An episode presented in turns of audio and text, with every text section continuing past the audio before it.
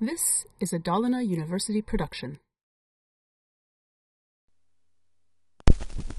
Hej och välkommen till delmoment 2 och föreläsning 1 som kommer att handla om eh, normalisering. Och vad är då normalisering för någonting då? Ja, vi kan ju ta och titta på några kriterier som man ska genomgå då när man gör någonting som kallas för normalisering. Och normalisering då är en process för att avgöra vilka attribut eller kolumner som ska grupperas tillsammans i en tabell. Och eh, den här processen då bygger på Ted Kodds normaliseringsregler. Om ni kommer ihåg från delmoment 1 så var det Ted Kodd som hade sin matematiska relationsteori eh, som ligger till grund för hela relationsdatabaskonceptet. Och det är då kan man säga då sammanfattningsvis en teori som används för att man då ska undvika dålig eller idiotisk design på sin databas.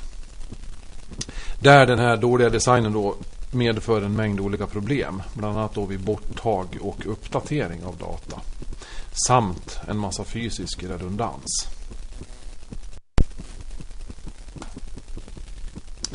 Eh, och vad är då redundans för någonting? Ja, om vi då börjar titta på en definition som kommer från Nationalencyklopedin. Så ser vi då att det har med överflöd att göra. Det vill säga någon typ av överskott utav information. Och då har vi olika typer av redundans. När det gäller relationsdatabaser har vi åtminstone två typer. Och det första då är någonting vi kan kalla för fysisk redundans. Och det innebär då rent konkret då dubbellagring av data.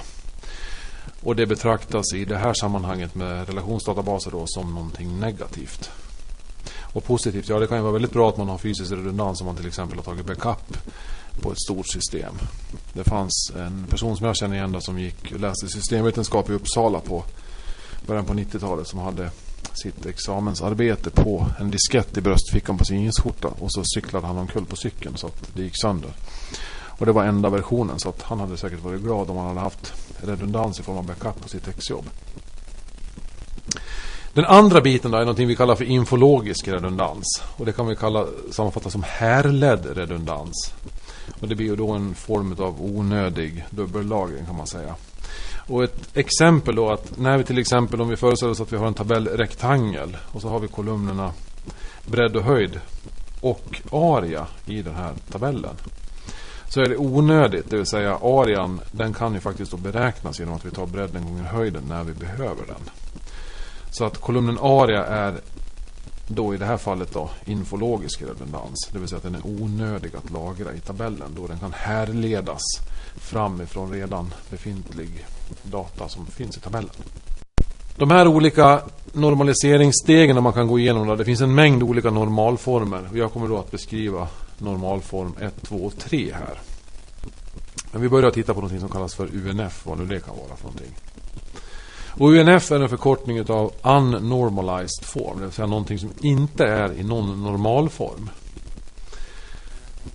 Om vi kollar på den definitionen på det så är det då en tabell som innehåller en eller flera rader med icke-atomära värden i celler.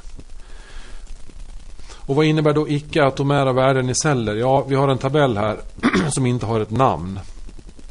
Men vi ser då att på den här första raden till exempel så kan vi utläsa någon typ av namn där. Anna Olsson med ett personnummer. När vi kommer till kolumnen hund-id så ser vi det att hon förmodligen då äger två stycken hundar. Så att vi har två stycken hundobjekt som lagras i en cell. Det vill säga då har vi icke-atomära värden i celler. Och då kallas det för att den här tabellen då är onormaliserad. Och ska vi då implementera det här i en databas så kommer då inte den här icke-normaliserade formen då att fungera. Det ser vi i vår lilla Bror Duktig farbror som dyker upp där som kommer med små förnuftiga tips till oss. Han tänker det där att det här kommer ju inte att fungera så att det gör det inte heller. Men om vi då tar och tittar på någonting då som, som åtminstone krävs för att det ska fungera och implementera en relationsdatabas så är det någonting som kallas för 1NF. Och 1NF det står för första normalformen. Och definitionen på det är att vi ska ha unika rader i tabellen och atomära värden i celler. Det skulle då kunna se ut på det här sättet att nu har vi faktiskt lagt att den här Anna Olsson förekommer på två rader i tabellen så att varje vi har tagit bort de här icke-atomära värdena i cellen när det gäller de här hundarna. Vi ska höra vad Produktig säger. Problem säger jag, jaha. Dels så får vi fysisk redundans. Ja, det ser vi. Det står ju information där om, om Anna på två ställen där. Att hon heter Olsson i efternamn och att hennes personnummer står på, står på, står på två ställen där. Så att det är en hel del dubbellagring i den där tabellen. Då. Vilket inte är bra. Och det är svårt att se vad den här tabellen betyder för någonting. Vad ska man ge den här tabellen för namn? Det blir väldigt svårt. Är det en persontabell? Ja, nej, det är det väl inte. Utan är det en hundtabell? Nej. Är det en hundägartabell? Ja, det är det väl inte heller en riktigt hundägartabell. För eftersom vi har då telefonnummer till hunduppfödare och namn på kennlar och sånt där. Så att den här tabellen då, den beskriver egentligen både uppfödare av hundar, vilka kennlar, namnet på kennlarna, telefonnumret till de här kennlarna, namnet på hunden och namn på personer och sånt där. Så att den här har då väldigt grötig semantik. Det är väldigt svårt att se vad, vad den här tabellen betyder för någonting. Och det här blir ju problem då vid uppdatering och borttag av data. Om jag då ska uppdatera förnamnet för en viss person här nu med personnummer 6102137414. 7414 skulle hon då förekomma på 10 000 rader i tabellen här så skulle jag ju få göra en operation då att uppdatera 10 000 poster. På grundval av den enorma mängd redundans som första normalformen innehåller. Men om man då tittar på följande SQL-satser. Vad händer om vi kör delete from tabell where personnummer är lika med 610213 7414? Det är då den här Anna som ska tas bort. Ja, om Anna inte vill vara med i tabellen här så försvinner ju då informationen om, om Anna ur tabellen. Men vi tappar även då namnet till den kennel där hon köpte sin hund Karo och telefonnumret till den här kenneln. Så att om vi nu ska ta bort en person för att den här personen av olika anledningar inte vill vara med i tabellen längre så tappar vi även data som inte är relaterad till den här personen. Utan som egentligen då en telefonnummer till en kennel. Det är faktiskt kanske vi kanske bara har ett telefonnummer till den här kenneln, tre stjärnor här. Och det, det försvinner då så vi kommer aldrig kunna ringa till den där kenneln mer. Så att egentligen då kan man sammanfatta de här problemen då att redundans, fysiska redundansen den medför att vi får göra onödigt många operationer när vi ska, när vi ska uppdatera eh, viss data. Och att när vi tar bort viss data så kan icke-relaterad data eh, försvinna. Och det kan då vara kritiskt för oss utifall ovärderlig information försvinner. Innan vi kommer in på de högre normalformerna så tänkte jag att vi kunde ta och titta på något som kallas för funktionellt beroende. Som i fortsättningen kommer att förkortas FB. Brukar noteras på det här sättet. Här ser vi då att X och sen står det bindestreck pil Y. Och det kan man då läsa som att X kommer att determinera Y. Vilket egentligen då betyder att Y är funktionellt beroende av X. Eller att X determinerar, det vill säga bestämmer värdet på Y. Ytterligare ett sätt att säga det här på är att X är en determinant då den, då den determinerar, det vill säga bestämmer Y. Så om vi studerar ett exempel här. På varje rad i en tabell fordon där regnummer FND 770 finns. Så kommer det alltid att stå mörkgrön i kolumnen färg på den här bilden. Därför att regnumret kommer att determinera, det vill säga bestämma den här färgen på det här bilobjektet. Exempel. Personnummer determinerar förnamn. Överallt där man ser mitt personnummer kommer det alltid att stå Per i kolumnen förnamn. Man kan inte säga att det omvända gäller. För överallt där det står Per kommer inte mitt personnummer att stå i personnummertabellen. Utan eftersom det finns flera personer som heter Per. Men mitt personnummer är ju unikt och identifierar då en person. På samma sätt då kan man säga att personnumret även då determinerar längden på den här personen. I mitt fall skulle det stå 190 cm i kolumnen längd. Tittar vi på ett ordernummer som man har kanske skapat en order på Dustin. Man ska köpa en dyr plattskärm. Så kommer det här ordernumret då att determinera ett orderdatum. Och kollar vi då på en ISBN-post för en bok så kommer den då att determinera boktiteln. Så att om med funktionella beroendet i bakhuvudet här nu så kan vi då börja titta på ett exempel på andra normalformen. Och 2NF är en förkortning för andra normalformen. Definitionen är att tabellen måste befinna sig i första normalformen. Plus att varje icke nyckelattribut ska vara beroende av hela primary key eller primärnyckeln.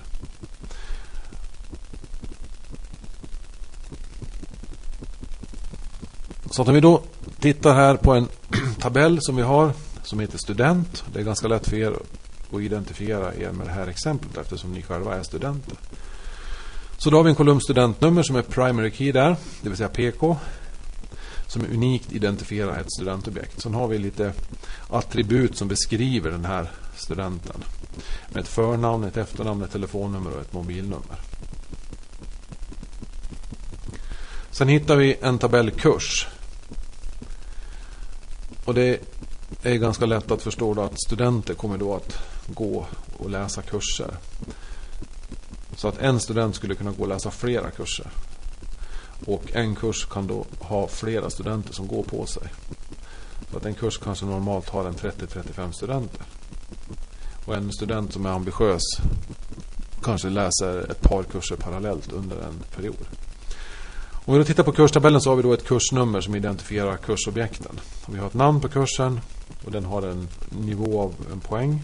Nivå den har en ämnestillhörighet. Så här har vi då tre kurser. Men vi får då ett många till många förhållande mellan den här studenten och kurs. Och då vet vi ju sedan tidigare att vi kommer att få en tabell som kommer att ta upp den här relationen. Det vill säga någon typ av tabell som beskriver studieresultat för studenter på kurser. Och då vore det väl bra då att vi döper den här tabellen till tenta. Att vi då flyttar in primärnyckeln ifrån tabellen student som främmande nyckel i tabellen tenta. Och att vi flyttar in kursnumret som främmande nyckel i tabellen tenta. Och sen då har vi ett attribut datum som beskriver när den här tentan ägde rum i tiden. Samt att vi då också får ett mått på hur bra det gick på den här tentan. Eh, att det står betyg till exempel G där. Och så på en annan ställe så står det 5. Om det då är någon person som ska läsa det här som inte vet kanske om det där är, är det bra eller dåligt. Det där, så att då har vi även med en kolumn som heter hur Anders går bra som talar om att G ja, men det är ett godkänt resultat. Att ett VG-resultat är mycket bra. Att en femma är fantastiskt bra.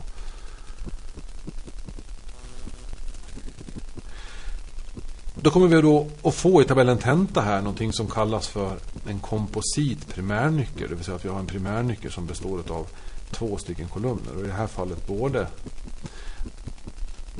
eh, studentnummer och kursnummerkolumnen.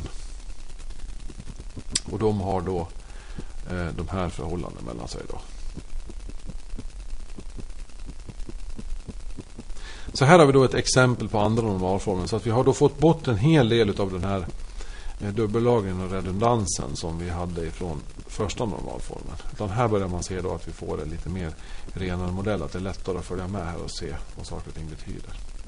Om vi ska ta och titta på vilka funktionella beroenden som var i vårt exempel här med andra normalformen sedan tidigare.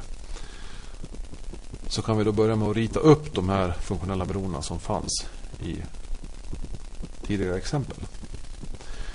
Så då hade vi lite attribut där som beskrev studenter med studentnummer, förnamn, efternamn, telefon och mobiltelefonnummer. Vi hade attribut som beskrev saker och ting som var kurser. Vi hade kursnummer, kursnamn, poäng och ämne. Sen hade vi även då attribut som beskrev när i tiden, det vill säga datum, personen tentade, vad man hade fått för eh, mått på prestationen när man gjorde tentan och en förklaring till hur det här måttet, om, om det var bra eller dåligt.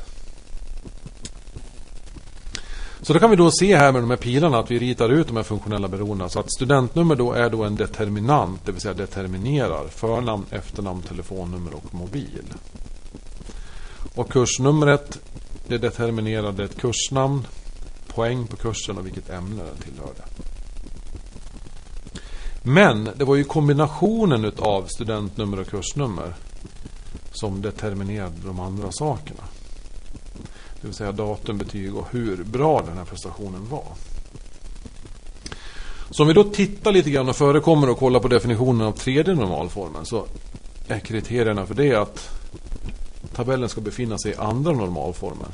Plus att det får inte innehålla några inbördes beroenden emellan icke nyckelattribut. Det vill säga det som kallas för transitiva beroenden. Delberoenden. Och har vi några sådana delberoenden här emellan då? Det var en sån liten trick question. Vi ser här att det finns faktiskt ett delberoende mellan två stycken nyckelattribut, det vill säga betyg och hur bra. Det vill säga att betyget faktiskt då determinerar hur bra. Så överallt där det kommer att stå G kommer att stå godkänd i hur bra kolumnen. Så att vi kommer att få lite redundans på grund av, av det där. På, det här, på grund av det här transitiva beroendet. Men vi kan ju då samtidigt säga att studentnumret och kursnumret också på något vis determinerar attributet hur bra.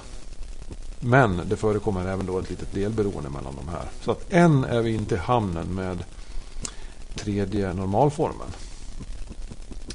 Så för att vi ska då uppfylla den här tredje normalformen så måste det här transitiva delberoendet mellan attributen betyg och hur Anders går bra bort. Tredje normalformen, vi har redan tittat på definitionen för den och ska se hur vi kan få bort det här transitiva beroendet.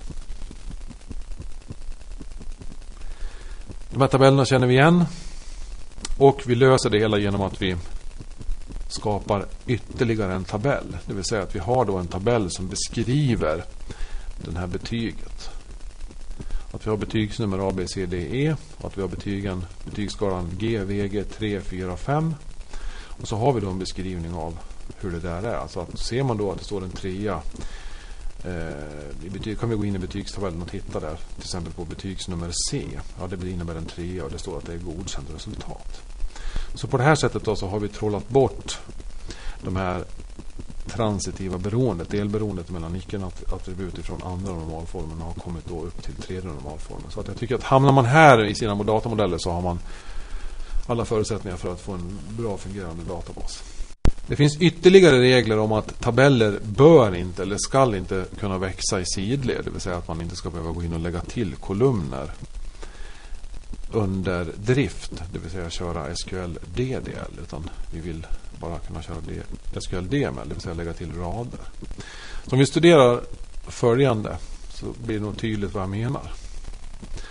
Om vi föreställer oss att vi har en tabell här som heter leverantör. Som identifieras av en unik identifierare med som heter levnummer. Och leverantören skulle då kanske vara ICA. Och att vi har olika kontaktpersoner för leverantören ICA. I det här fallet så har vi Lars Eriksson och Sven Larsson. Men utifall vi skulle behöva ha en kontaktperson 3 för att de där två är på semester.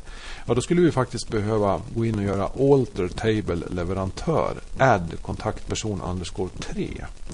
Då måste ju tabellen då öka i sidled. För att vi ska slippa göra det så skapar vi en ny tabell enligt följande. Så att vi skapar då en tabell som heter kontaktperson där vi lägger in alla kontaktpersonerna.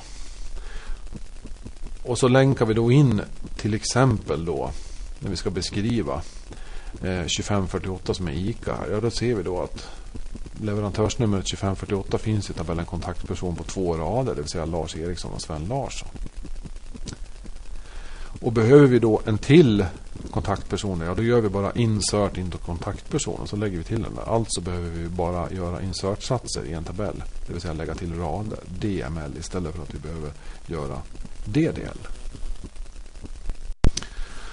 Om vi då ska ta och sammanfatta det här så får vi se vad den lilla irriterande produktifiguren har att säga.